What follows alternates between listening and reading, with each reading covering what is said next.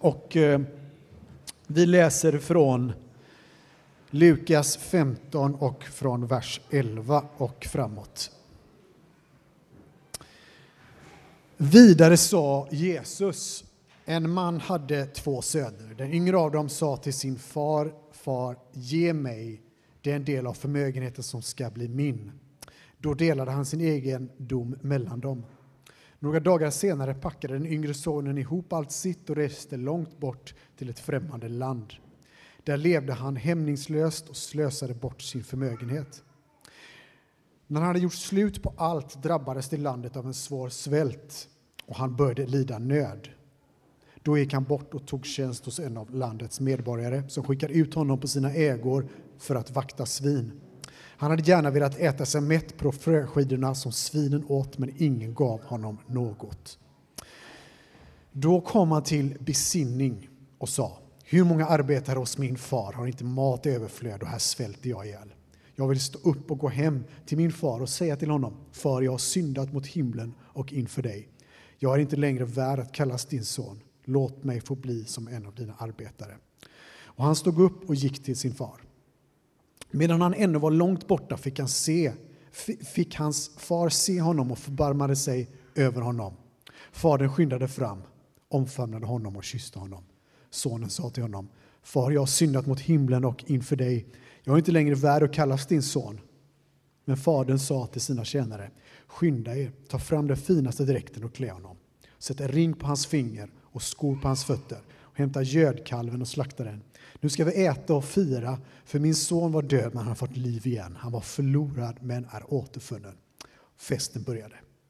Men hans äldre son var ute på fälten. När han, kom, när han nu kom och närmade sig gården fick han höra musik och dans. Han kallade då till sig en av tjänarna och frågade vad det här kan betyda. Tjänaren svarade, din bror har kommit hem och din far har slaktat gödkalven eftersom han har fått honom välbehållen tillbaka. Då blev han arg och ville inte gå in. Hans far kom ut och försökte övertala honom, men han svarade sin far. Här har jag slavat för dig alla dessa år och aldrig gått emot ditt bud och mig har du aldrig gett ens en killing så att jag kunde fira med mina vänner. Men när han, men när han där kommer hem, din son som har festat upp din förmögenhet tillsammans med horor, då har du slaktat gödkalven för honom. Fadern sa till honom, mitt barn, du är alltid hos mig och allt mitt är ditt. Men nu måste vi fira och glädja oss, för din bror var död, men han har fått liv igen. Han var förlorad, men är återfunnen. Amen. Vi kan sätta oss ner. Vilken text. Låt oss be till Gud att han ska väcka tro i oss, att vi ska tro att detta är sant om Gud som det beskrivs i den här texten. Så låt oss be. Herre, vi tackar dig för att du är mitt ibland oss, Herre. Även om eh, vi kanske kommer hit idag glada eller förvirrade, haltandes in, Herre, så ber vi att den bild som du målar i denna liknelsen ska få att du ska väcka tro att vi ska tro det är sant om dig, att du har det hjärtat som Fadern har, Herre. Så vi ber att du öppnar våra hjärtan, Herre, så vi kan faktiskt ta emot det och tro på det, Herre. Och öppna våra sinnen för detta, Herre. I Jesu namn. Amen. Amen. Låt mig börja med en fråga. Vad tror ni händer i himmelriket just nu? Vad är det för stämning i himmelriket just nu? Den frågan vill jag att ni ska ha i bakhuvudet när vi ska tackla denna texten. Ehm, den här texten som vi har hört kommer från Lukas 15. Och för mig är det en av de mest makalösa kapitel i hela Bibeln. Det, berättelsen vi har hört är en av de mest briljanta berättelser som någonsin berättats av världens mest briljanta berättare. Eh, och jag vill tala om liknelsen vi har hört, men inte bara liknelsen. För i sammanhanget, innan allt det där vi läste, så hände massa annat som är väldigt, väldigt spännande. Men innan jag går in på det. På 90-talet så släpptes filmen Titanic. Och den slog hur många rekord som helst med biotittare och folk blev helt fascinerade av den historiska händelsen Titanic. Vad var det som gjorde att det blev så populärt? För långt innan den här filmen släpptes så har man släppt dokumentär efter dokumentär om Titanic och ingen lyfte riktigt eh, axlarna. Okej, okay, det var spännande. Det var bara de som var lite nördiga som kollade på det. Vad är skillnaden när filmen kommer ut? Jo, tror jag, för vi människor älskar berättelser med karaktärer som vi kan relatera till, som gör att filmen bjuder oss in i en värld där vi kan relatera till dessa karaktärer och därmed bli berörda på ett helt annat sätt. Annars kan vi vara rätt distanserade, även om det känns rätt hemskt. Och jag tror att Jesus vet att vi människor fungerar så. För att vissa sanningar ska sjunka in i oss så är det som att, att vi behöver höra det som i berättelser med karaktärer som vi kan relatera till. Och jag tror det är just det Jesus gör med sina liknelser och inte minst med den här berättelsen.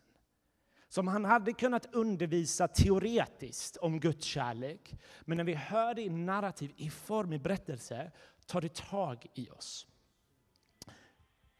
Ja, lite eh, effektfullt. um, I varje gång man läser en liknelse så finns det en huvudregel man måste alltid göra om man vill förstå liknelsen så bra som möjligt. Det är att alltid läsa vad som hände precis innan Jesus berättar liknelsen. För att förstå Jesu ärende med liknelsen så vill man förstå vilket sammanhang Jesus talade in den här liknelsen. Och det kommer alltid ge oss ett nytt ljus över vad Jesus är efter. Och i Lukas 15 så är sammanhanget så viktigt, där vi får veta mycket, mycket mer om, om vad den här liknelsen egentligen innebär.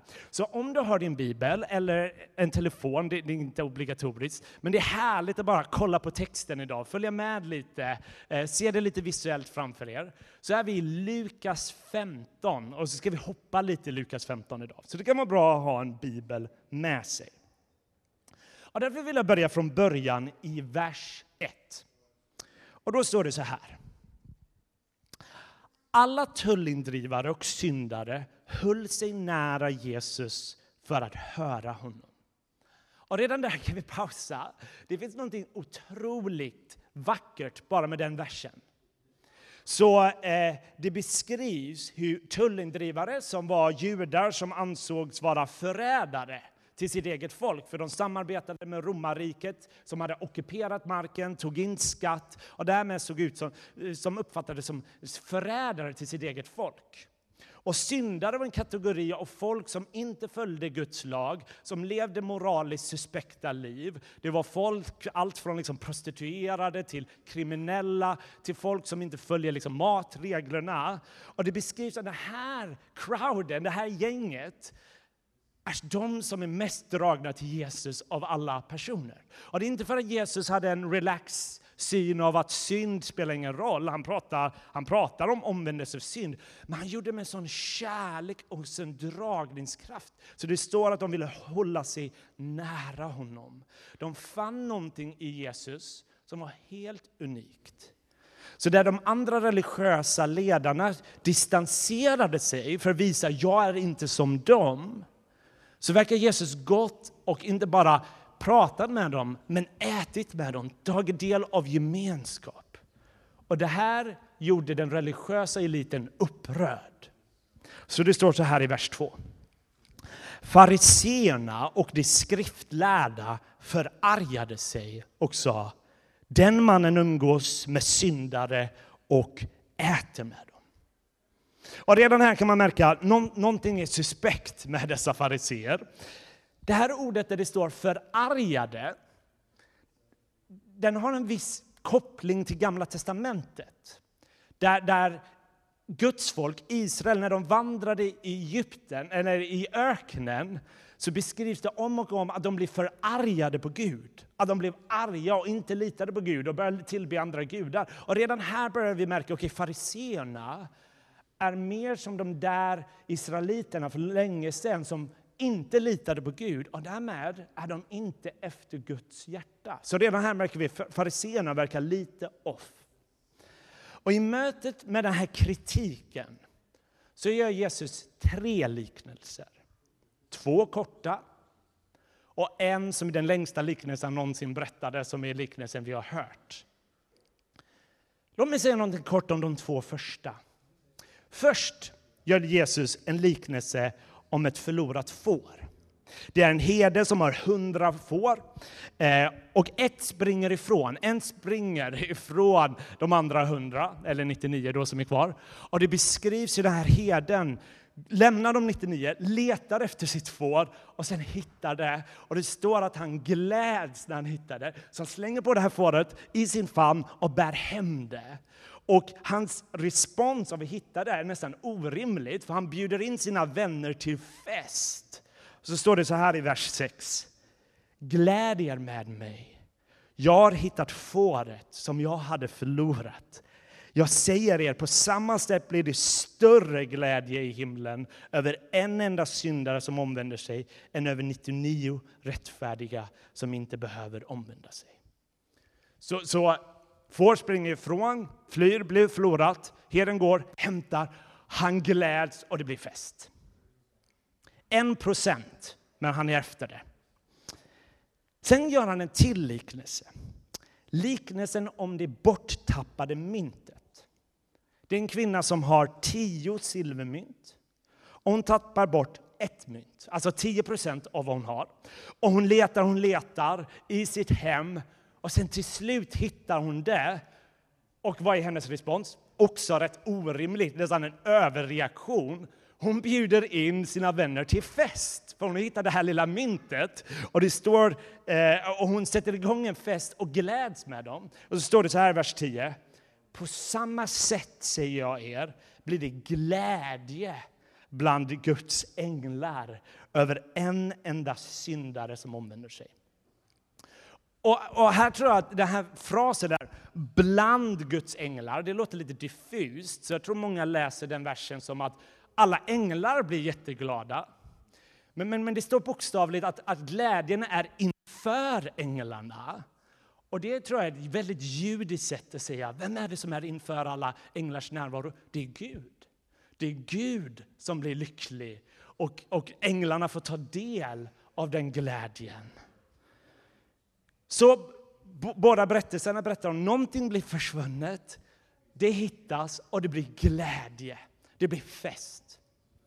Så redan nu märker vi att det här är en helt annan attityd än fariseerna som blir förargade Faderns hjärta, Guds hjärta, är glädje när man finner det som har gått förlorat.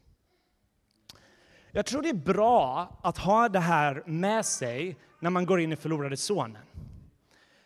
För eh, Förlorade sonen, eh, just den titeln, vissa av er har nog stött på det förr, eh, är egentligen en lite vilseledande titel. Det är någonting bibelöversättare lägger till. Rubriker finns inte med i originaltexten, men det är för att hjälpa oss. För den här berättelsen om förlorade sonen handlar ju inte om en son. Det handlar om två söner som är förlorade på olika sätt. En genom att springa ifrån, precis som lammet och en genom att vara hemma, precis som myntet. Så på, Jesus har precis förberett, det finns två sätt att bli förlorade. Och när de blir funna blir det fest oavsett vart de har blivit funna. Så redan här förbereder Jesus oss för den sista liknelsen där han kombinerar båda dessa två sätt att bli förlorade. Och det är bra att ha med det, för det kommer hjälpa oss att förstå slutet. Så då kommer vi till förlorade sönerna då.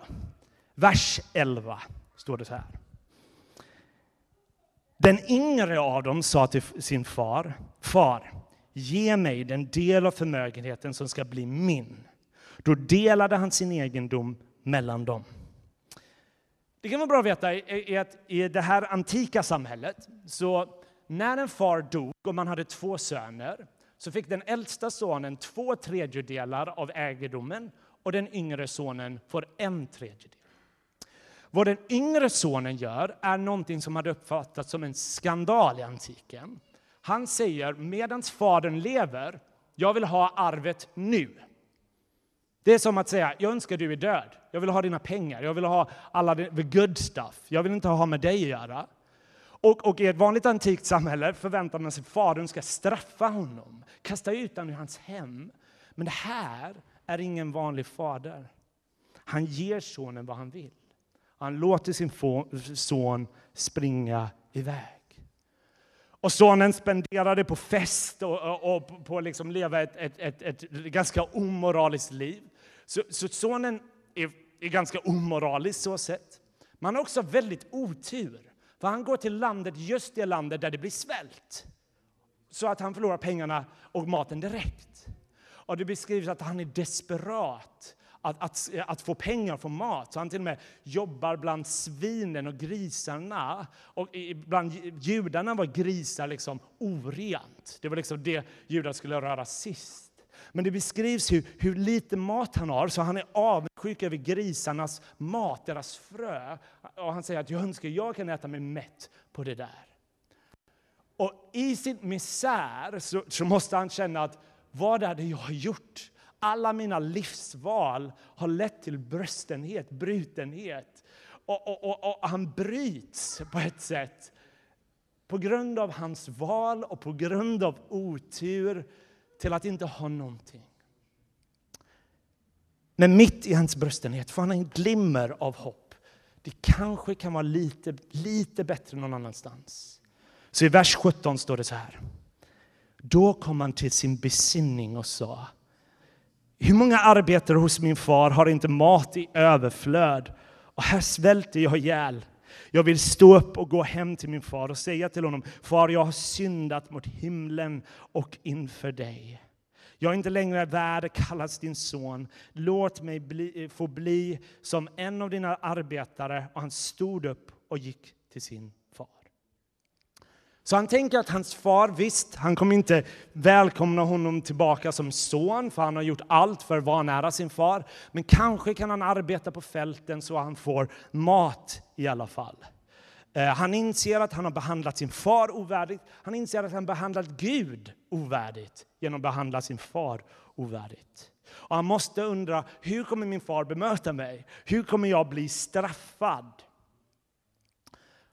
Och så beskrivs det som att när han kommer så är det nästan en, återigen en orealistisk bild. Det är som att fadern har väntat och väntat för att se, kommer han hem? Och så ser fadern sin son på distans. Och vad är hans reaktion?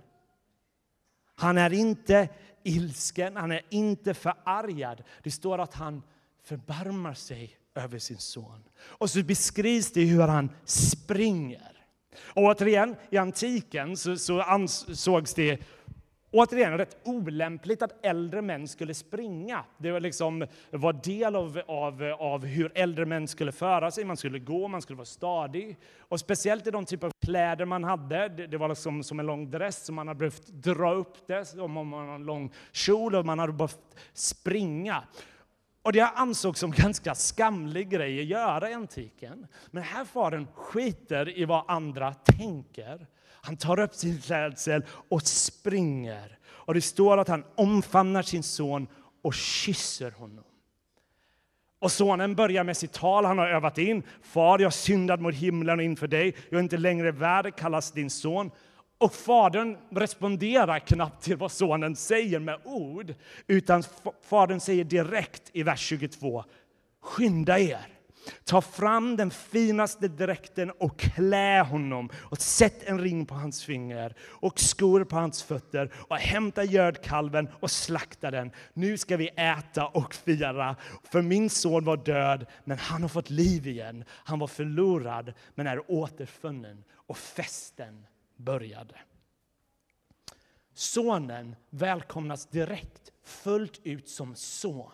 Han får klä sin fars klädsel med samma status. Fadern ger honom allt det här direkt. Sonen, oavsett vad han har gjort, fadern frågar inte ens här, vad är det du har gjort, liksom, kvalificerar du? Han blir klädd så fort han kommer tillbaka. Så redan nu kan vi besvara på frågan jag började ställa. Vad är det för stämning i himmelriket nu? Det är fest. Det är fest. För varenda individ på den här planeten som i en enkel bön eller i en dramatisk omvändelse vänder sig till Gud så är det jubel i himmelriket. Det är fest i himmelriket. Och en dag kommer det bli en synlig fest för alla för oss som tror på Jesus. När han kommer tillbaka kommer det bli den mest episka festen som någonsin har varit. Men liknelsen slutar inte där. Det finns en till son, en äldre son som inte jublar över att sin yngre son, eller bror då, har kommit. Han är arg och hans far går ut ur sitt hem och möter sin äldre son och kollar varför, vad, vad, vad har hänt? Och storebrorsan, han, han adresserar inte ens sin bror som en bror, utan han, eh, han, han, han, han är förvånad att fadern har tagit emot honom. Han, han, verkar ta för givet att sonen har gått till massa prostituerade. Hur vet han det? Han har ingen aning. Han verkar gissa grejer. Och han är förtvivlad, för han har levt ett omoraliskt liv. Han har valt att inte följa Gud, men det har jag gjort. Och det är han som får en fest. Så vers 29 och 30 står det så här. Här har jag slavat för dig alla dessa år och aldrig gått emot ditt ord. Och mig har du aldrig ens en, eh, gett en killing så att jag kunde fira med mina vänner. Men när han där kom hem, din son, alltså han kallar inte bror, din son, som har festat upp din förmögenhet tillsammans med horor, då har du slaktat gödkalven för honom.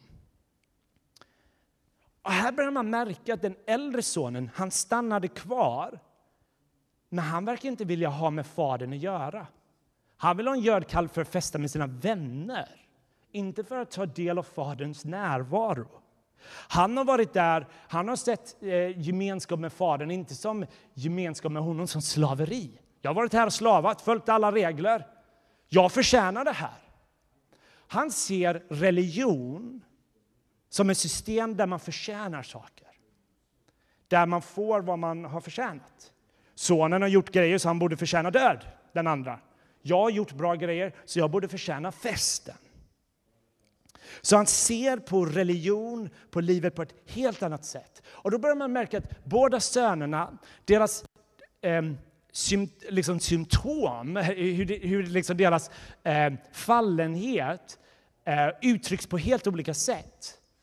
Men båda är efter samma sak. Faderns saker istället för fadern.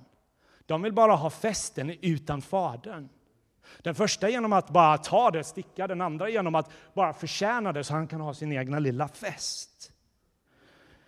Och här börjar man märka att det finns två sätt att bli förlorad. Det finns två sätt att undvika Guds närvaro och ta del av hans gemenskap. En genom att springa ifrån och en genom att vara väldigt religiös, följa alla regler så man slipper ha med Gud att göra. Och man slipper nåde ta emot som en gåva. Men fadern möter sonen med kärlek i vers 31 och 32 som avslutar hela liknelsen på ett chockerande sätt eftersom man inte får ett färdigt slut. Där det står så här. Mitt barn, du är alltid hos mig och allt mitt är ditt. Men nu måste vi fira och glädja oss. För din bror var död men har fått liv igen. Han var förlorad men är återfunnen.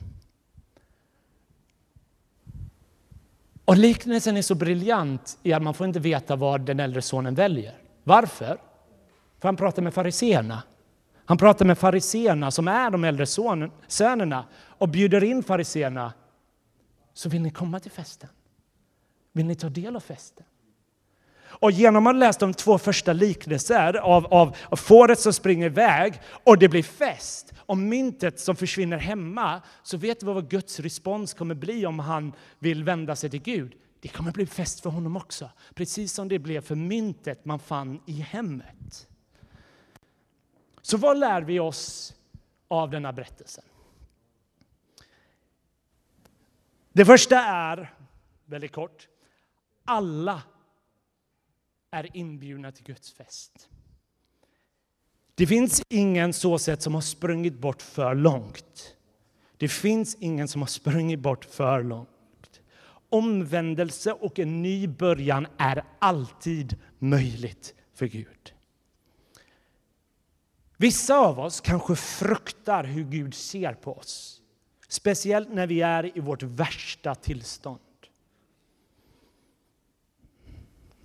I ljuset av vad vi har gjort, i ljuset av vad vi tänker, i ljuset av vad det finns i våra hjärtan. Men vad lär vi oss av den här liknelsen? Jo, att i Jesus har vi en vän som alltid gläds av vår närvaro. Alltid bjuder in oss till vår närvaro snarare än motvilligt tar emot oss. Han är den som sätter igång fester när vi kommer till honom. Att i Jesus har vi en vän en broder så sett, som tar emot oss, omfamnar oss, kysser oss oavsett hur rena eller orena vi är, hur moraliskt attraktiva vi är eller inte, hur trofasta eller trolösa. Förlåtelse är alltid möjligt i hans ögon. Och den enda synd som vi inte, eh, den enda oförlåtliga synden i Bibeln tror jag är när vi vägrar ta emot hans förlåtelse. När vi vägrar komma in i hans fest, när vi vägrar ta emot hans gåva. Så därför, varje vecka kommer vi till gudstjänst för att höra goda nyheter. Att vi kan ta våra brustna liv, våra trasiga liv och placera in dem i Jesu berättelse och kunna få återupprättelse i personen Jesus. Och därför är det viktigt också för oss som känner folk som är vilsna, vilsna, att inte ge upp. Att, att vi alla kanske ska idag tänka på en person som vi tänker, den personen är vilsen. Låt oss be och tro att Gud är mäktig. Och Gud kan, Gud kan dra de mest hårda hjärtan och göra dem mjuka. Kan vi inte bara ta med folk i våra hjärtan, committa dem inför Gud och be om och om igen, Herre möt dem, sänd människor som säger rätt saker vid rätt tillfälle. Om det är jag, låt mig säga rätt sak vid rätt tillfälle. Så det är första punkten. Andra punkten, alla är välkomna, men du kan exkludera dig själv. En del av oss är uppväxta i kyrkan och aldrig haft en period där vi gjort någon revolt ifrån kyrkan. Vi har aldrig lämnat kyrkans väggar så. Vi har alltid varit duktiga kristna i en bemärkelse. Och i en bemärkelse är det underbart att du alltid varit i kyrkan. Det finns liksom inget så här, bara för att du har en cool omvändelseberättelse är du coolare eller någonting sånt. Eh, båda är underbart. Om du fått vara del av en församling och du är eh, liksom inte haft en revolt, bless you. Om du har haft det och du kommer tillbaka, bless you. Det är underbart båda två. Men när man har bara varit i kyrkans väggar så finns andra typer av risker där man kan bygga upp en typ av självrättfärdigande beteende som gör att när folk kommer utifrån som, som har trasiga liv, som har vänt om men det är fortfarande saker som är trasigt och de får uppmärksamhet så kan man bli lite bitter och avundsjuk. Gud kanske ger dem nådegåvor, profetiska gåvor och du har inget sånt. Och du har känt, jag har följt alla grejer, jag har gjort allt som är rätt, men jag får inte del av alla de här grejerna. Om det är så, så tror jag det här är ett underbart tillfälle att komma till vår Fader och minnas vår Fader älskar oss. Han älskar dig och han ser dig. Du har sån dignitet i hans ögon. Du är så älskad. Allt som är hans är ditt säger han. Så vissa av oss kanske behöver komma in för Gud men kanske en rätt lagisk attityd som kanske bygger upp en viss form av bitterhet för man varit i kyrkan och man inte riktigt fått ta del av grejer man har velat. Och bara lyfta det för Gud och säga Gud, gör det mjukt. Gör det mjukt. Och att det finns ett sätt där vi kan glädjas åt varandra när det går väl för andra på sätt som det inte gjort för oss. Så att, att vara kristen, det är utmanande, det innebär lidande eh, ibland, i stora delar av livet. Men jag vill bara påminna oss att kristendomen är först och främst tänkt att vara någonting glädjefyllt. Så om du ser kristendom mer som slaveri än glädje för att ta del av Gud, så ber jag också att du ska få komma inför Gud idag och bara be honom att bara gör mitt hjärta mjukt och låt mig få se ditt hjärta. Låt mig få se ditt hjärta. Sista punkten, och den är kort och sen slutar vi. Guds kärlek är nästan orealistisk och obekväm. Bilden som målas upp i dessa berättelser är en bild som nästan är orealistisk. Som en far som sitter och väntar i flera år på sin son. Han kanske kommer idag, han kanske kommer idag. Som en kvinna som hittar ett silvermynt och startar en fest som borde kosta mer än ett silvermynt, tycker man. Helt orealistiskt. Men det är som att Jesus säger så här att jag ska försöka beskriva Guds kärlek i mänskliga termer, men varje gång man ska applicera det kommer det bli en helt orealistisk bild. För det går inte att förstå Guds kärlek, för i våra ögon är den orealistisk. Och därför vill jag återigen säga till oss, speciellt oss som kanske känner oss som yngre sonen, som vill bli befriad från, från det här med kristendom ibland, där vi känner att Gud är ett fängelse och man bara längtar att bli fri. Den yngre sonen trodde frihet och festen fanns utanför huset. Utanför, men han fick lära sig att allt vad han ville ha fanns egentligen hemma. I hans faders närvaro fanns det en fest som han egentligen längtade efter. Och därför så vill jag bara säga att många av oss som har svårt att tro att Gud älskar oss i vårt värsta, låt denna liknelsen få döda den myten. Låt den här liknelsen vara Guds ord som talar över lögner som må viskas i dina öron. Eh, lögner som jag tror faktiskt är från den onde. Det här är inte Faderns hjärta. Och det är som att Jesus målar upp Fadern som en, med sånt kärleksfullt språk, på ett sånt orealistiskt sätt och försöker säga Gud är sådan. Gud är sådan. Så den mest djärva bönen jag tror vi kan be idag är att be Gud, låt oss tro att det är sant. Att Gud är sådan. Att Gud är sådan. Att Gud är som den heden som fylls av glädje när han hittar eh, sitt lamm, eller som kvinnan som hittar myntet, eller som fadern som ställer till med fest när sina söner blir hittade. Så jag vill avsluta med en fråga. Tänk om Gud den mäktigaste, världens skapare, universums konung, konungarnas konung. Tänk om han är fylld av glädje. Tänk om han är fylld av glädje. Tänk om han är sådan. Låt oss be att vi ska tro på det också. Herre, vi tackar dig att du är god, Herre. Herre, du vet vad som för sig går i våra hjärtan, i våra tankar, i våra sinnen, Herre. Och vi ber, Herre, att vi ska få ta del av din godhet, delta i den, känna den mer och mer, Herre. Och vi får göra det tillsammans som kyrka, Herre. Herre, vi tackar dig för alla som, har, som, som, som kommer hem till dig idag. Någonstans på den här jorden så kommer folk, springer hem och du omfamnar dem och det blir fest i himlen. Vi tackar dig för dem som varit i kyrkan och byggt upp någon, en, en, en, en religion som bygger på lag som gör att man missar dig istället för, för, för um, man missar dig och tror att det här är ett system där man ska förtjäna saker. Herre, vi ber att du ska göra våra hjärtan mjuka och vi ska glädjas för vad som sker i varandras liv, Herre. Så Herre, vi ber att du talar till oss, till våra hjärtan. Kommer med ro där det finns oro just nu, Herre. Så vill vi ta del av dig och den gemenskap som finns i dig, Herre. Tack i Jesu namn. Amen.